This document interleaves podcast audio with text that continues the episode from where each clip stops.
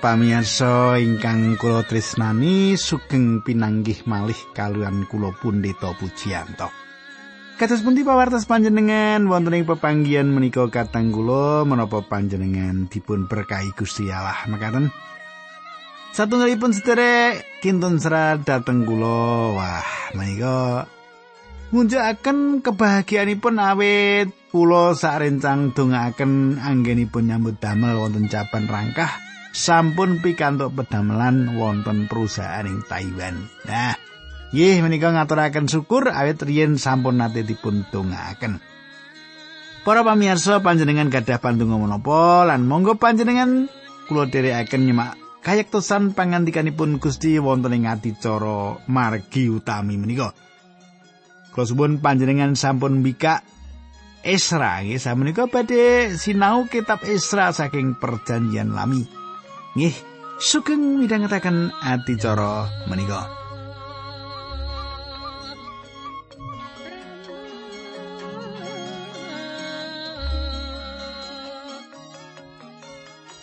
Para pamirsa panjenengan tentunipun sampun kemutan menapa ingkang kula terangaken? Kita sampun ngerampungaken setunggal Korinta nggih kitab setunggal Korintus sampun kita rampungaken.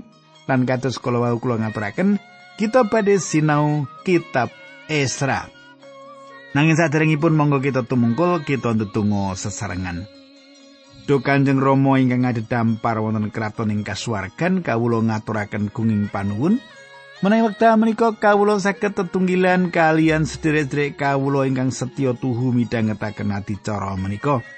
Kawula nyuwun berkah paduka Gusti linambaran asmanipun Gusti Yesus Kristus kawula ndedonga.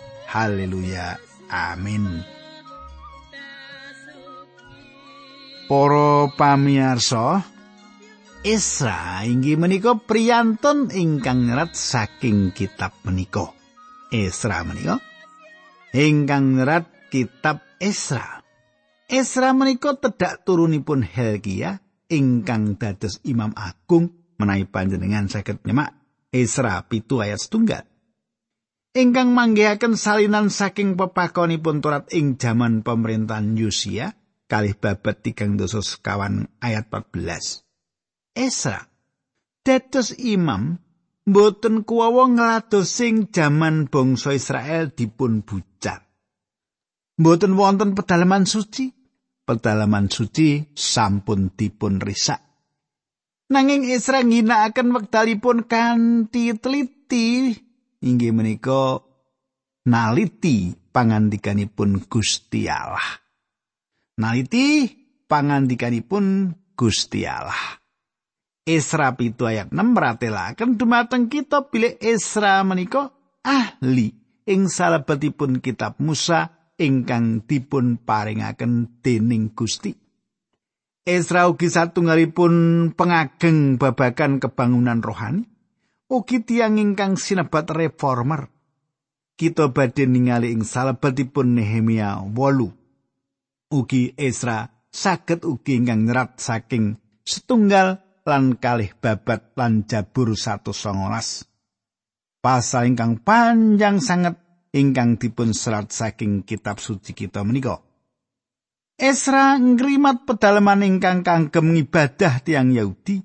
Esra ugi ingkang ngedekaken golongan ingkang dipun sebat ordo ahli Torat. Piyambakipun mitulungi penetapan kanon kitab suci lan ngatur kitab Jabur. Monggo kita hormati Esra ingkang sampun budidaya kangge ngawontenaken kebangunan rohani. Sinaosa kebangunan rohani menika gagal dipun tindakaken lumantar organisasi, cara-cara lan lumantar cara-cara ingkang inggal. Kebangunan rohani badhe dumados menawi tiang wangsul dumateng pangandikanipun Gusti Allah.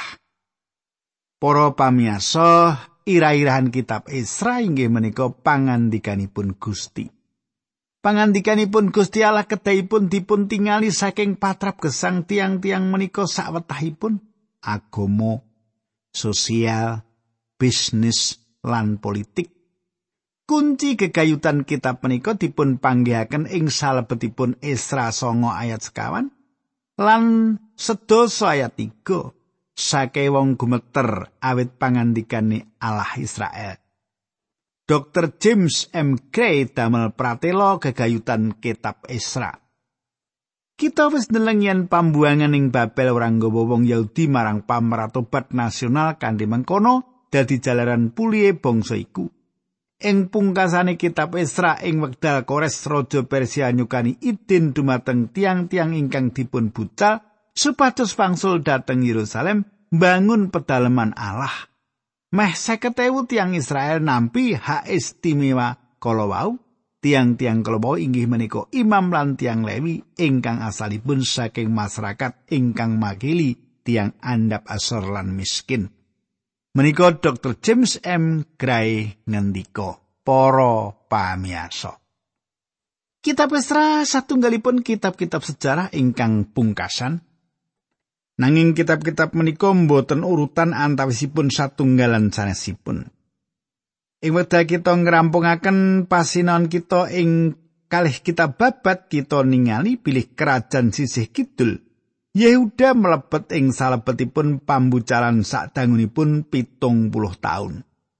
Kita mboten mireng sinaosa sekedhik babagan tiang Yehuda menika sasampunipun dipun tawan ngantos Esra nyerat sejarahipun.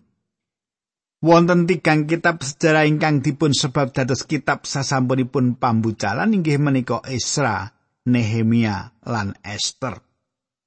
Ugi wonten tigang kitab sasampunipun pambucalan inggih asipat kenabian Hagai, Sakaria lan Maleaki. Samenika kitab Esra lan Nehemia dados satunggal kamanunggalan.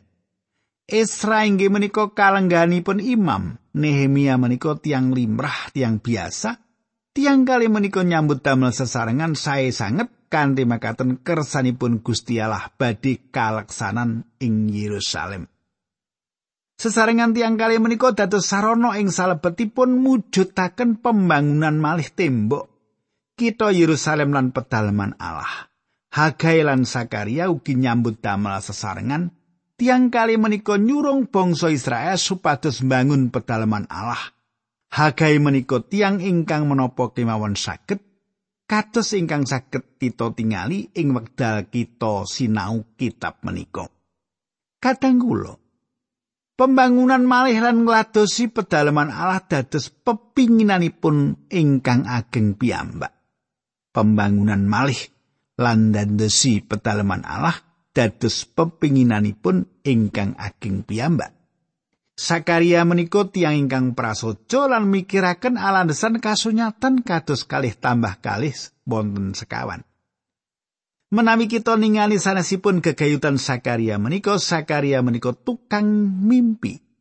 Upaminipun dipun pratelakaken bilih Sakaria gadah tetinggalan ningali tiang setri ingkang saweg ngleyang ing langit wonten ing salebetipun keranjang ageng. Menika saestu-estu asipat geguritan. Hagai mboten nate ningali kados mekaten menika nanging perkawis ingkang perlu dipun katosaken inggih menika pilih Sakaria mboten nate mikiraken ukuran-ukuran pedalaman Allah. Hagai lan Sakaria nyambut damel sareng sami kados dene Esra lan Nehemia. Tiang ingkang saged menapa kemawon lan tiang ingkang remen damel keguritan nyambut damel sarang-sarang Gusti Allah ingkang ngatur sadaya menika. Para pamiyarsa. Kitab Hagai lan Sakaria ketahipun dipun waos lan dipun sinau kalian kitab Isra. Awit tiga kitab menika dipun serat ing salebetipun pendamelan bangun malih pedalaman suci Gusti Allah lan tikang kitab menika dipun paringaken kangge mecut semangat rakyat anggenipun bangun. Nanging Nabi Hagai lan Sakaria ben Ido, nabi loro iku medhar wangsit marang wong-wong Yahudi kang manggon ing Yehuda lan ing Yerusalem ing sadroning asmane Allah Israel kang nganti bangsa mau. Sakaria 5 ayat 1. Ing salebetipun kitab Esra wonten kaperang kali ageng inggih menika babakan wangsulipun tiang bucalan saking Babel ingkang dipun pimpin Yisero Babel menika ing salebetipun nem pasal ingkang kawitan. Kinten-kinten seketewu tiang wangsul, selajengipun ngemot wangsulipun tiang bucalan ingkang dipun pimpin Esra ing pasal pitu ngantos dosa lan kinten-kinten kalih ewu ingkang ngetut Esra. Samenika kita sinau saking Esra setunggal ayat setunggal. Nah, panjenengan bika Kitab suci panjenengan Esra setunggal ayat setunggal. Nalika Koresi nggone jumeneng raja Persia durung nganti ganep setahun, Gusti Allah wis ngilingake supaya wong-wong padha netepi pangandikani Allah lantaran Nabi Yeremia. Mula Koresi ngumumake srana lisan lan tulisan marang wong sak negara kabeh mengkini.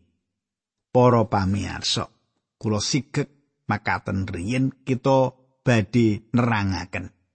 Panjenengan gatosaken bilih Esra langsung ngutamekaken babagan pangandikanipun Gusti Allah. Ugi Kores, raja Persia dipun sebaraken. Raja Kores menika salah setunggal para panguwas ingkang nglampahi penerangan ing jaman kino. Kedatenganipun sampun dipun weca, naminipun sampun dipun sebataken saderengipun piyambakipun dipun lairaken meh kalih atus taun saderengipun piyambakipun dados raja ing Persia. Yesaya sekawan-sekawan ayat 12 meratelaken Koresi ndak dawi kowe ndak dadekke raja nglakonana apa sak kersaku ngerehno atas saka dawuhku perintahana supaya Yerusalem kabangun maneh lan pondasine pedalamane Allah dipasang. Lajeng Yesaya kawandosa gangsal ayat setunggal nglajengaken Gusti Allah wis milih Koresi dadi raja diangkat supaya nelokake para bangsa diutus nglengser raja-raja saka dampare pangeran bakal mbikak gapura-gapurane negara kanggo koresi pangandikane Allah marang koresi. Para pamirsa koresi satunggalipun gegambaran saking Sang Kristus. Daniel inggih menika perdana menteri ing kedaton Kores lan cetha Daniel mimpin Kores ing satunggalipun kawruh gegayutan Gusti Allah ingkang ngertos lan gesang. Kores mangertos menapa ingkang piyambakipun saweg tindakaken ing wekdal piyambakipun damel pengumuman ingkang meratelaken utawi damel putusan ingkang meratelaken bilih bangsa Israel saged wangsul ing tanah tumpah rahipun. Dumateng kita dipun cariyosaken para pamirsa bilih kersanipun Gusti dipun ganepi ing salebetipun menapa ingkang dipun tindakaken menika. Salajengipun inggih punika pamedar wangsit ingkang saestu dipun genepi. Malah ing jaman pemerintahan Kores menika Daniel nyukani sawetawis pameco ageng salebetipun pameco pitung puluh mangsa kegayutan kalian Israel. Paling boten wonten seprapat isi kitab ing medal dipun paringaken kitab menika satunggalipun pamedar wangsit. Saperangan ageng isinipun sampun dipun ganepi. Esra tunggal ayat tunggal satunggalipun perangan kitab suci ingkang sampun dipun ganepi. Langkung saking 300 pameca utawi pamedar wangsit kegayutan rawuhipun Sang Kristus ingkang kawitan ingkang sampun dipun ganepi secara harapiah. Wonten tiang-tiang ingkang meratelaken bilih wonten kirang langkung 300 pameca kegayutan rawuhipun Sang Kristus ingkang kaping kalihipun kula mboten nate naliti babagan menika. Para pamirsa, kelahiran Sang Kristus dipun meca ing perjanjian lami lan sekawan perkawis ingkang dipun pratelakaken ing salebetipun gegayutanipun kalian perkawis menika. Satunggal panjenenganipun dipun lairaken ing Bethlehem, Mika gangsal ayat kalih. Kalih panjenenganipun badhe dipun sebat tiang suci Habakuk 13 ayat gangsal. Tiga panjenenganipun badhe dipun timbali medal saking Mesir Hosea 11 ayat setunggal. Sekawan badhe wonten tangisan ing Rama satunggal kita alit ing caketan Yerusalem Yeremia 3 setunggal ayat gangsa. Matius manunggalaken sekawan perangan menika dados tunggalan nyukani carios Natal dumateng kita. Pameco ingkang dipun ganepi inggih menika menapa ingkang dipun pratelaken ing Matius bab kalih. Esra setunggal ayat setunggal ugi satunggalipun pameco ingkang dipun ganepi. Jaman pambucalan sak dangunipun pitung puluh tahun sampun paripurno. Pengumuman dipun umumaken lan bangsa Israel saged wangsul ing tanah kelahiranipun. Nanging namung sekedhik ingkang wangsul. Samenika Esra setunggal ayat kalih. Dawe Koresi raja Persia mengkene Gusti Allah ing swarga wis maringake sakai kraton sak jagat iki marang aku. Aku dikersakake ngedekake pedalaman kagem panjenengane ana ing kutha Yerusalem tanah Yudea. Para pamirsa pengumuman Kores saestu penting. Kawitan Kores meratelaken bilih dumateng piyambakipun sedaya kerajaan ing bumi menika dipun pasrahaken. Kores sawek meratelaken kegayutan kalian kerajaan-kerajaan ingkang wonten ing jaman semanten. Kores menika pemimpinipun Gusti Allah ing swarga wis maringake sakai kraton sak jagat iki marang aku. Kores pemimpin kita. Piyambakipun ngrumaosi bilih Gusti Allah sampun maringi piyambakipun kalenggahan menika. Kula wonten pitakenan ing manah kula. Ing jagat menika kathah para panguwaos. Para panguwaos ing jagat ingkang gadah tata kasulilan ingkang beradab. Menapa para panguwaos menika ngrumaosi bilih piyambakipun menika kalebet para peladosipun Gusti Allah. Tiang-tiang menika nglenggahi kalenggahan menapa ngrumaosi bilih kalenggahanipun menika peparingipun Gusti Allah. Rumaos menapa mboten? Nek duwe kedudukan dhuwur di kalenggahan dhuwur iki apa ya rumangsa nek iki peparinge Gusti Allah, apa rumangsa iki marga kekuatane dhewe? Para pamirsa samenika kula gadah kekajengan panjenengan mangertos pratelo Gusti Allah ingkang nguwaosi jagat sak korping langit. menika satunggal pilihanipun Gusti Allah ingkang istimewa dumateng Esra, Nehemia lan Daniel. Panjenengan katosaken sasampunipun ambruk ing Yerusalem. Gusti Allah mboten saged malih dipun tepang kanthi wontenipun pedalaman Allah minangka panjenenganipun ingkang gesang ing antawisipun para malaikat. Kaluhuran sampun kesah ikabot dipun serat ing tameng Israel. Yeskiel ningali tetinggalan kegayutan kesaipun kaluhuran Allah ingkang manunggal. Kangge perkawis menika ing salebetipun kitab-kitab sesampunipun pambucaran panjenenganipun menika Gusti Allah jagat raya menika. Para pamiarsa. Yeskiel ningali tetinggalan kegayutan kesaipun kaluhuranipun Gusti Allah saking pedalaman Allah ing Yerusalem.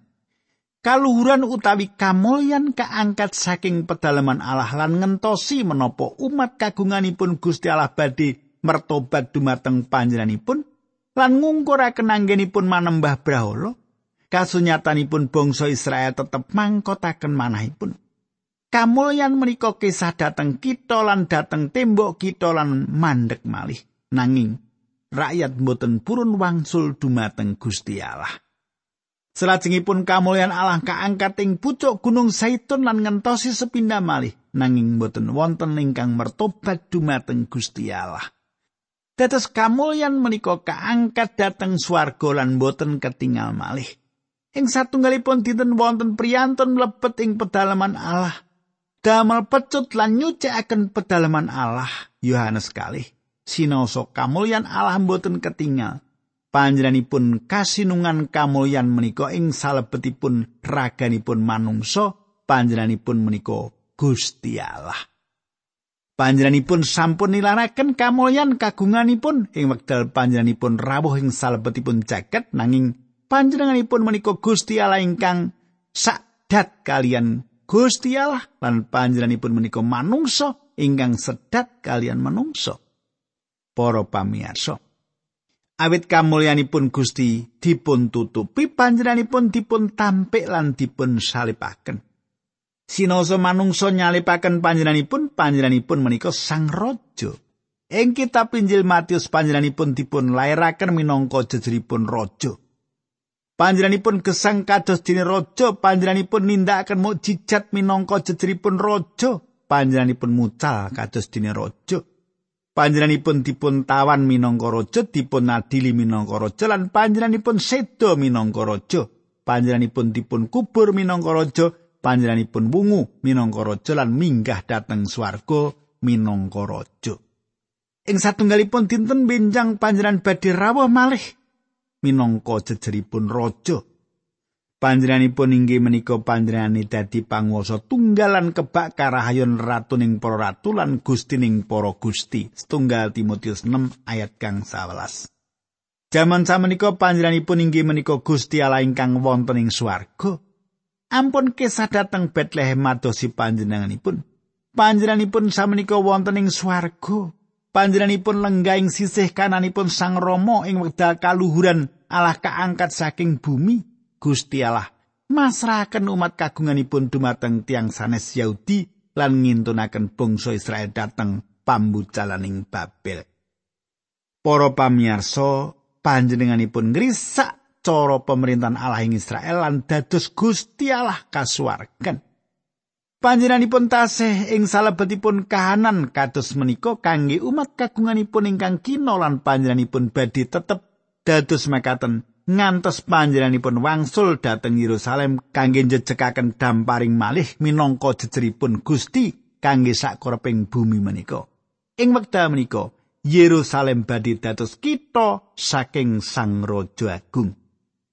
Kadang kula Samenika monggo kita wangsul dumateng ayat kaping kalih kitab Esra panjenengan katosaken bilih kores kanthi tegas meratelaken aku dikersake ngedekake pedalaman kagem panjenengane ana ing kutha Yerusalem tanah Yudea.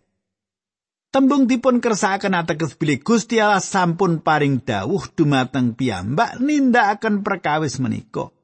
Lelampahan menika saestu ngidapi-dapi ing wekdal kita emut bilih Kores menika satunggal panguwasa jagat menika. Piyambakipun menika sanes tiyang Yahudi cetha Kores lumantar peladosan Daniel sang nabi sampun gadah kawruh dumateng Gusti Allah ingkang gesang lan nyektos. Kores lajengipun nyukani izin dumateng tiang Yahudi ingkang sampun wonten ing papan pambujalaning Babel kangge wangsul dateng Yerusalem. Samenika ayat 3 Esra tunggal. Muga-muga Gusti Allah nunggilo karo sapa wae sing dadi umate Wong-wong mau budhalo mulih menyang Yerusalem ing tanah Yudea lan ngedekno pedalemane pangeran Allah Israel, Allah sing disembah ing Yerusalem. Para pamirsa, panjenengan katosaken ing mriki bilih Gusti Allah sampun paring dawuh dumateng Kores supados nindakaken perkawis menika nanging Kores mboten paring dawuh dumateng umat Israel kesah dateng Yerusalem. Kores namung nyukani izin dumateng umat Israel supados kisah dateng mriko. Kita lajengaken bab setunggal ayat sekawan. Yen ana umat Allah ing manca negara sing mbutuhake pitulungan kanggo lakune mulih, para tangga teparne wajib padha aweh sokongan. Kudu padha nguruni slokolan emas, raja brono lan kewan apa dene pisungsung kanggo pedalemane Allah kang ana ing Yerusalem. Para pamirsa idin dipun paringaken dumateng umat Israel supados wangsul dhateng Yerusalem. Tumrapipun ingkang boten wangsul kedah misungsungaken pisungsung emas lan sloka lan barang aji sanesipun kangge mitulungi ingkang wangsul mbangun pedalaman Allah ing Yerusalem. Samenika ayat kang salah 6. Para panggedene talar Yehuda lan Benyamin, para imam lan para wong Lewi lan sakai wong sing atine diusikake dening Allah mulih menyang Yerusalem saperlu ngedekake pedalemane Allah banjur padha tata-tata arep budal. Tonggo teparone banjur padha nguruni barang-barang saka slokolan mas sarta raja Bruno lan kewan apa dene barang liya-liyane sing pengaji kejaba kuwi ya pisungsung kanggo saus kurban monosuko. Para pamirsa, kados dene sampun kula sebataken saderengipun sayektosipun sanget cekedhik tiyang ingkang kesah. Kula mboten gadah kekajengan ngadili tiang-tiang ingkang mboten kisah dhateng Yerusalem awet temtunipun wonten jalaran ingkang andadosaken tiang-tiang menika mboten kisah dhateng Yerusalem. Nanging cetha menapa ingkang dipun tindakaken menika saged ugi sampun dados kersanipun Gusti Allah. Sae ingkang kisah utawi ingkang mboten kisah. Tiang-tiang ingkang mboten kisah dhateng Yerusalem tetep manggen ing Babel. Kula gadah pemanggih bilih kathah ing antawisipun tiang-tiang menika sampun mapan lan ngraosaken gesang ingkang ngremenaken sesarengan kalian masyarakat Babel. Tiang-tiang menika sampun gesang remen lan sugih. Panci kathah ing antawisipun umat Allah menika ingkang sugih Mblegedu kanthi makaten tiang-tiang kala netepaken boten kisah. Tiang-tiang kala wau rumaos bilih kisah menika sanes kersanipun Gusti Allah utawi boten wekdal ingkang pas kangge kisah. Awit saking menika sanes hak kula ngaturaken bilih tiang-tiang ingkang boten kisah menika boten selaras kalian menapa ingkang dipun kersakaken Gusti Allah. Kulo panci mangertos bilih ing wekdal candhaipun ing wekdal kita tumuging kitab Esther, kita badhe ningali cariyos saking tiang-tiang ingkang tetep manggen ing Babel lan menika sanes satunggalipun cariyos ingkang indah. Ing wekdal semanten tiang-tiang menika wonten ing sakjawinipun kersanipun Gusti Allah. Satunggal perkawis ingkang saged dipun semak saking blegeripun inggih menika pilih kalih golongan sae ingkang tetep manggen lan ingkang kesah wangsul dhateng Yerusalem mboten wonten memengsahan lan ugi adil kinadilan. Ingkang manggen ing Babel mbiyantu sederipun ingkang kesah tiang-tiang ingkang manggen nyawisaken kabutuhan ingkang kesah. Kula sikik semanten rumiyin kadang kula lan kita badhe ndedonga. Duh Kanjeng Rama ing swarga kawula matur nuwun sanget menawi ing wanci menika kawula saged nyemak kayektosan pangandikan paduka. Kawula nyuwun berkah paduka linambaran asmanipun Gusti Yesus Kristus kawula netunggal haleluya. Amin